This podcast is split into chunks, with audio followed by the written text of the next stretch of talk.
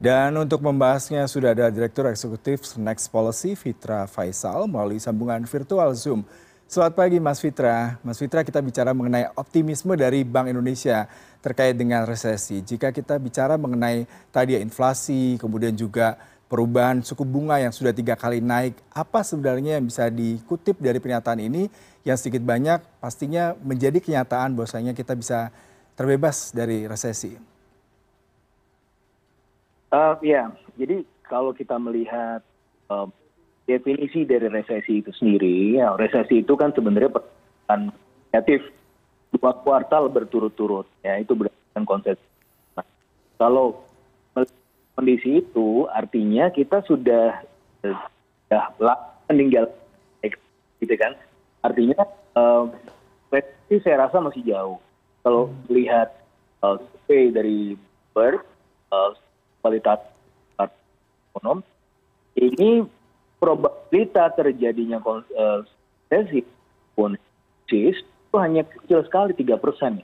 Dibandingkan Malaysia terus uh, Thailand sampai tiga belas persen artinya kita probabilitas terjadi resesi kecil sekali mm-hmm. dan kalau masih melihat forecast di tahun ini uh, forecast kami menunjukkan uh, antara 5,1 sampai 5,2 persen di tahun ini. Nah, tentu momen penentuannya kita melihat nanti pengumuman BPS di uh, apa ke depan.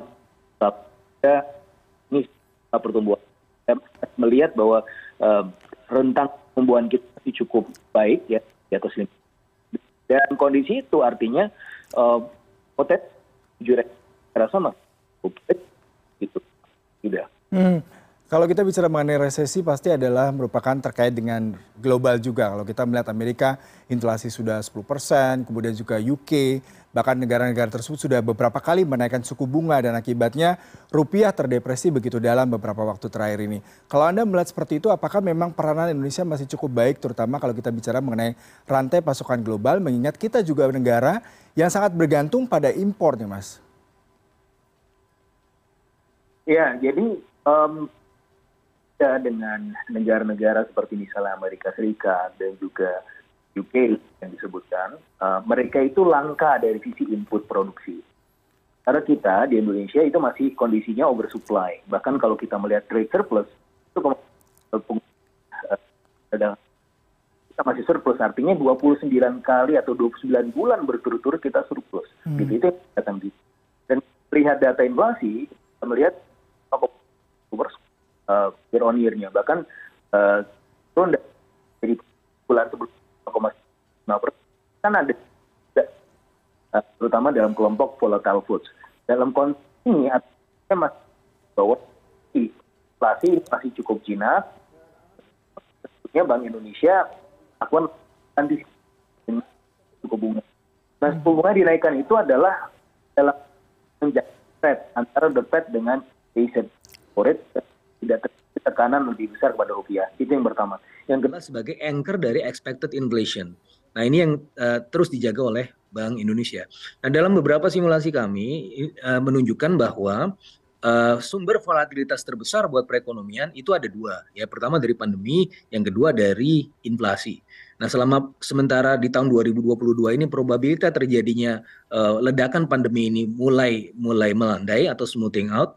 Sementara di sisi yang lain dari sisi inflasi itu sebenarnya cukup menjadi uh, kontributor terbesar di tahun 2022 ini. Sehingga langkah yang dilakukan oleh Bank Indonesia dengan menaikkan suku bunga misalnya di Agustus, September, September dan Oktober berturut-turut 25 basis point, 50 basis point dan 50 basis point itu menjadi anchor baik dari sisi nilai tukar maupun dari sisi inflasi kita melihat data inflasi kemarin dalam konteks core inflation tidak terlalu tinggi, ya memang meningkat, tetapi dalam uh, kalau kita bandingkan mantuman malah turun begitu kan. Hmm. Nah, kita bandingkan mantuman malah turun begitu kan.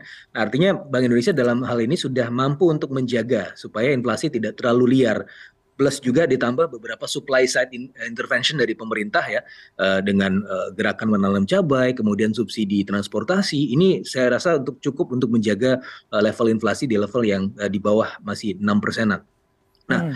dalam kondisi itu mungkin pertanyaan selanjutnya adalah, loh kalau Bank Indonesia menaikkan suku bunga, apakah itu akan kemudian uh, berlawanan arah dengan momentum perbaikan pertumbuhan ekonomi kita gitu kan karena kita ingin mencapai pertumbuhan ekonomi 5%. Ya kalau kita melihat secara uh, bahwa uh, suku bunga itu memang memiliki efek kontraksi terhadap pertumbuhan ekonomi. Tetapi suku bunga yang dilakukan uh, kenaikan suku bunga ini sebenarnya kan bertujuan untuk mengurangi sumber volatilitas dalam perekonomian itu inflasi. Nah, dalam hal ini, dalam beberapa simulasi kami menunjukkan bahwa dengan justru dengan Bank Indonesia menaikkan suku bunga, ini resiko uh, inflasi mereda dan di sisi yang lain pertumbuhan ekonomi ini bisa menjadi lebih lebih uh, uh, bagus begitu ya prospeknya. Kenapa? Karena sumber volatilitas atau sumber ketakutan ekonominya ini dijilangkan gitu. Nah, meskipun tentu ada resiko resiko lain seperti uh, resiko kontraksi, uh, ekspansi kredit tertahan dan seterusnya hmm. dan seterusnya. Tetapi resiko ini jauh lebih kecil dibandingkan dengan resiko volatilitas. Sehingga pada akhirnya apa? Ketika Bank Indonesia me naikkan suku bunga bukan melawan momentum pertumbuhan, justru itu untuk juga menjaga momentum pertumbuhan ekonomi sampai akhir tahun ini setidaknya masih di atas 5%. Karena ketika inflasi meningkat, uh, justru kalau dari dari simulasi kami menunjukkan bahwa ini justru uh, efeknya buruk buat perekonomian. Nah ini yang uh, terus dijaga oleh Bank Indonesia dan juga oleh pemerintah untuk supaya inflasi ini berada di level yang yang tidak terlalu liar begitu, hmm. Mas Yuda. Ya, Mas Fitra, tapi yang menjadi buah si malakama ketika Bank Indonesia menaikkan suku bunga ya, sudah tiga kali ya, bahkan sejak Agustus lalu untuk menstabilkan nilai tukar rupiah, kemudian juga menjaga inflasi terkendali, tapi data deflasi naik nih ya 0,11 persen di bulan Oktober ini. Akibatnya pasti berpengaruh kepada tadi kredit, usaha kecil, kemudian juga pertumbuhan ekonomi di mana sektor real juga pastinya ter, terkena dampak yang secara signifikan. Jumlah uang beredar banyak, tapi masyarakat sepertinya lebih memilih untuk menahan uang mereka. Tapi di satu sisi Anda katakan tadi kita harus bergerak, pertumbuhan ekonomi terus berjalan. Bagaimana dengan resiko dari dua sisi mata uang ini? Iya, jadi uh, yang memang ada resikonya ketika Bank Indonesia menaikkan suku bunga. Tetapi kita lihat begini, pertumbuhan uh, kredit ya sekarang ini meningkat. Sementara pertumbuhan DPK dana pihak ketiga itu justru turun. Artinya apa? Masyarakat semakin percaya diri untuk melakukan spending, gitu ya. Jadi di sisi satu sisi likuiditas perbankan itu mengkerut, tapi di sisi yang lain spending di real sector itu meningkat. Nah, tapi di sisi yang lain kita juga harus menjaga supaya likuiditas ini tidak terlalu kering. Caranya bagaimana? Caranya adalah dengan menaikkan suku bunga gitu kan. Supaya apa? Supaya ada balancing ya antara hmm. sisi kiri dan sisi kanan. Sehingga resiko-resiko sistemik itu tidak akan terjadi. Ketika rupiah menjadi terdepresiasi ya menjadi sangat sangat lemah begitu ya itu akan muncul resiko sistemik. Maka ini coba dijaga oleh Bank Indonesia dengan apa? Menjaga spread antara the Fed dengan Bank Indonesia seven days repo rate. Dengan melakukan itu ada konsekuensinya yaitu ada apa namanya ekspansi kredit yang tertahan, ekspansi uh, usaha yang tertahan karena kredit lebih mahal dan seterusnya dan seterusnya. Tapi kalau kita bandingkan dua resiko ini, resiko itu jauh lebih kecil dari resiko inflasi dan resiko nilai tukar. Sehingga apa? Bank Indonesia mencoba untuk melakukan uh, prioritas ya untuk memakan inflasi. Yang kedua adalah untuk menjaga kestabilan nilai tukar. Yang terjadi adalah prospek pertumbuhan ekonomi kita menjadi lebih baik. Yang jelas dalam konteks bauran kebijakan kita lebih baiklah bahkan dibandingkan dengan Inggris. Liz Truss itu kan uh, harus uh, turun dari jabatannya karena dianggap tidak uh, melakukan prinsip bauran kebijakan yang baik begitu ya. Di satu sisi pemerintah di Inggris justru melakukan kebijakan-kebijakan yang inflator, sementara Bank uh, Bank of England di sana justru melakukan kebijakan-kebijakan yang memakan inflasi. Ini kan jadi saling offset, makanya itu hmm. kemudian tidak dipercaya oleh market. Liz Truss kemudian mengundurkan diri digantikan dengan Rishi Sunak. Tetapi hmm. di kita, saya rasa prinsip bauran kebijakan ini masih berjalan dengan baik, ya tidak ada masalah uh, berarti di lapangan.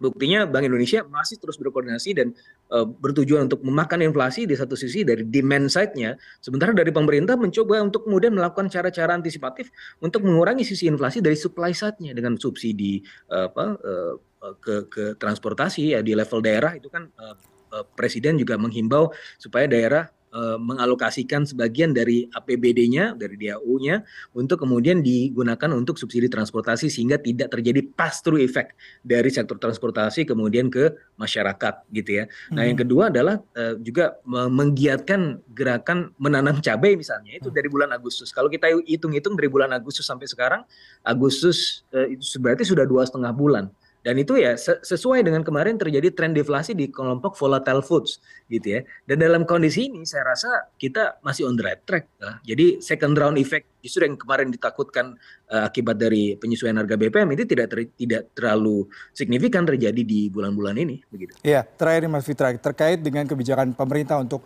melakukan intervensi tadi menaikkan suku bunga, kemudian juga menjaga inflasi. Salah satu yang menarik adalah bagaimana pemerintah bisa menjaga postur APBN 2023 terkait bagaimana tadi Anda mengatakan alokasi, pendanaan, subsidi, kemudian juga pemantauan sendiri dan bersifat lebih fleksibel, terutama menyikapi kondisi global mendatang. Bagaimana Anda melihat hal ini, Mas? Ya, APBN harus uh, di, di tahun yang sifatnya counter cyclical. Karena pun 20 kanan belum gitu ya. Pun saya rasa pun baik. Proyeksi perekonomian kita masih cukup baik sehingga uh, kemungkinan resesi itu masih cukup kecil.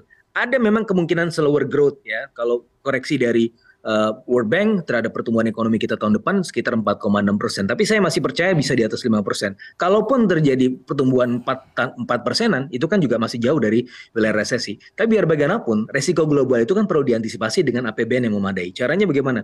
Ya sekarang dibuat prioritas-prioritas gitu ya sehingga APBN belanjanya memang betul-betul efektif dan uh, di apa kita harus membuat APBN itu defisitnya di bawah uh, rentang yang uh, yang yang yang yang memang uh, disepakati oleh Undang-Undang 17 tahun 2003 dengan keuangan negara harus di bawah tiga persen supaya apa supaya nanti pada saatnya dibutuhkan di tahun 2023 kalau memang kita harus spending melebihi budget melebihi defisit yang uh, apa terkandung di Undang-Undang 17 tahun 2002 uh, apa 2003 itu itu masih ada duitnya hmm. gitu kan. Nah, kemarin ada penghematan sekitar 196 triliun sebagai bagian dari usaha konsolidasi fiskal uh, akibat dari tekanan energi yang memuncak begitu ya. Nah, ini kan ada yang di saving nih ya. Uh, tidak semuanya kemudian bisa dikeluarkan tahun ini mungkin ya. Bisa dikeluarkan juga di tahun depan dalam rangka untuk antisipasi dan untuk sebagai bantalan. Ya, jadi efek apa uh, mode counter cyclical ya dari APBN ini yang dijalankan di tahun 2023 mendatang begitu. Baik, terima Mas kasih Mas Fitra Faisal selaku Direktur Eksekutif Next Policy untuk perbincangan yang pagi hari ini.